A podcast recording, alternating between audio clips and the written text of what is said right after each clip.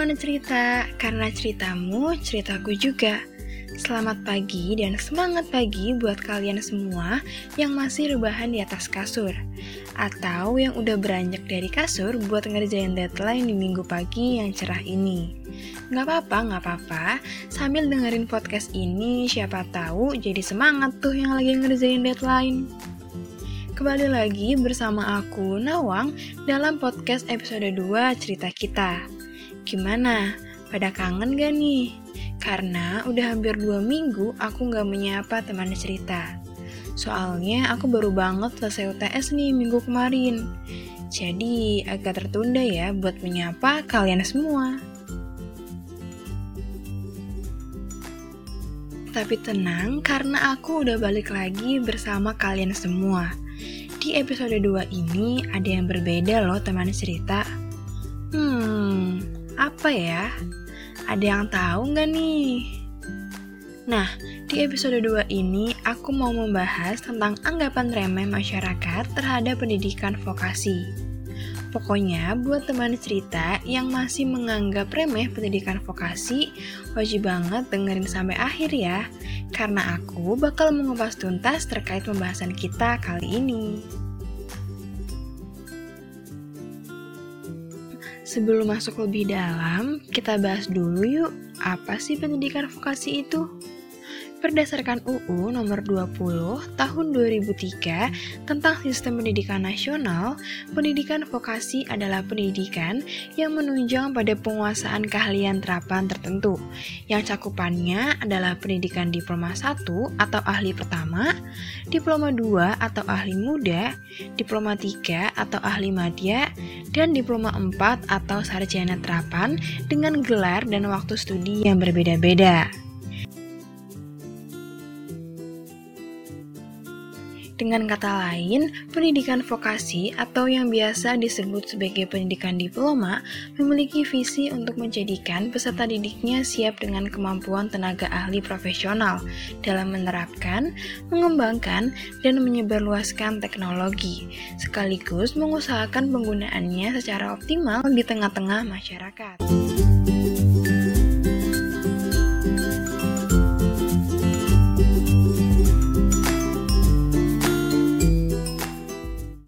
Nah, pendidikan vokasi ini cocok banget deh buat teman cerita yang pengen lulus kuliah dengan waktu yang cepat dan ketika lulus nanti udah langsung siap kerja. Hmm, tapi ngomong-ngomong banyak banget nih anggapan dari masyarakat yang merendahkan dan menyepelekan pendidikan vokasi. Eits, tapi teman cerita nggak perlu khawatir, karena hal tersebut tentu tidak benar. Sebenarnya, pendidikan vokasi ini merupakan pendidikan yang paling realistis bagi masyarakat Indonesia dalam menghadapi pasar bebas tenaga kerja. Tingginya permintaan tenaga kerja terampil di sejumlah negara maju berpotensi menyerap besarnya angkatan kerja di tanah air. Sedangkan dalam negeri sendiri, peluang kerja yang tersedia bagi lulusan vokasi juga terbilang luas. Pasalnya, lulusan vokasi memiliki kualitas yang dibutuhkan oleh kebanyakan industri, seperti manufaktur, kesehatan, pariwisata, agribisnis, pekerja migran, ekonomi digital, dan masih banyak lagi. Sayangnya, pendidikan vokasi masih dianggap sebelah mata. Secara umum, ada dua pandangan peyoratif terhadap lulusan pendidikan vokasi. Pertama, pendidikan vokasi masih dianggap sebagai pendidikan yang tidak prestisius atau tidak bergengsi. Kebanyakan orang Indonesia berasumsi lulusan vokasi hanya dapat menempati posisi teknis ketika terjun di dunia kerja.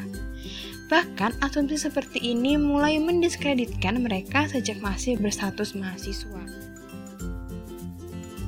Kedua, adanya anggapan bahwa belajar di perguruan tinggi tidaklah paripurna jika tidak lulus dengan gelar sarjana.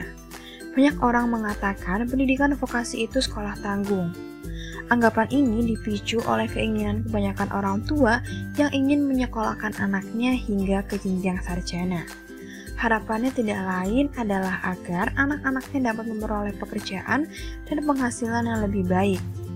Tapi, apakah iya harapan tersebut realistis dengan dunia kerja saat ini? Kenyataannya, penghasilan lulusan vokasi dan sarjana tidak berbeda jauh.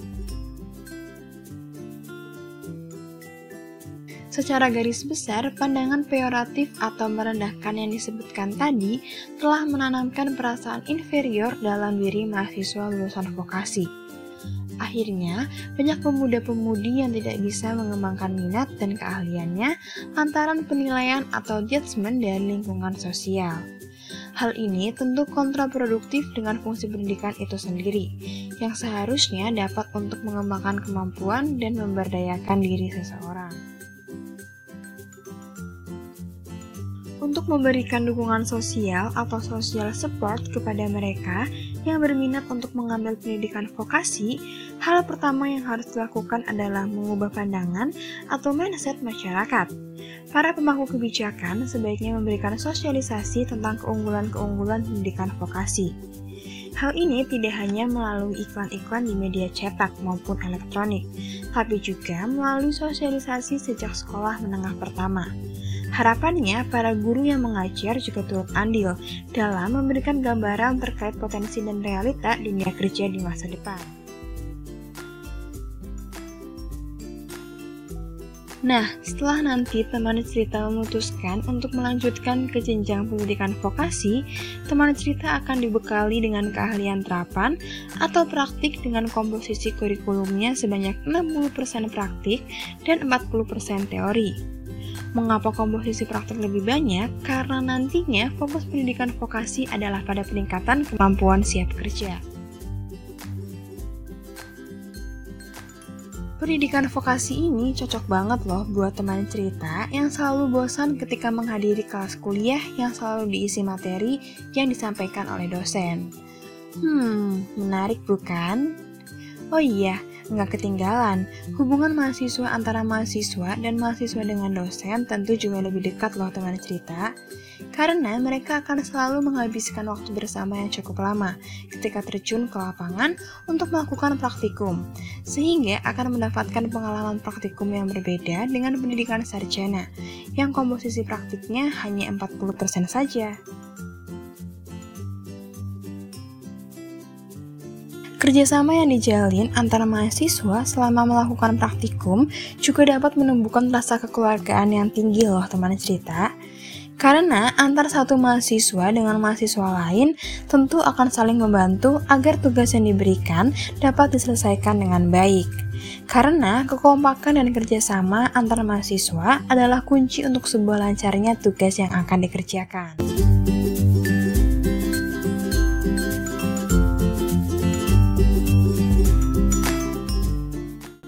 Oke, jadi gimana nih teman cerita? Jadi pengen kan kuliah di vokasi? Pasti yang sekarang lagi ngejalanin pendidikan di vokasi termasuk aku tentu ikut bangga dong. Pokoknya kalian nggak perlu dengerin anggapan orang-orang yang meremehkan dan menyepelekan pendidikan vokasi. Ikutin kata hati kalian, jangan terpengaruh oleh anggapan buruk orang banyak karena sejatinya semua pendidikan di mana saja itu sama-sama istimewa dan tentunya bagus. Tinggal bagaimana kita mengasah skill dan memperdalam ilmu yang akan kita pelajari sebagai bekal kita untuk bekerja nanti. Apa pun pilihannya, aku doain semuanya adalah yang terbaik. Karena yang mengerti tujuan hidup kalian mau dibawa ke mana adalah kalian sendiri. Aku Nawang, terima kasih sudah mendengarkan cerita kita episode kedua. Sampai jumpa di cerita kita podcast episode selanjutnya. Karena ceritamu, ceritaku juga. Bye-bye.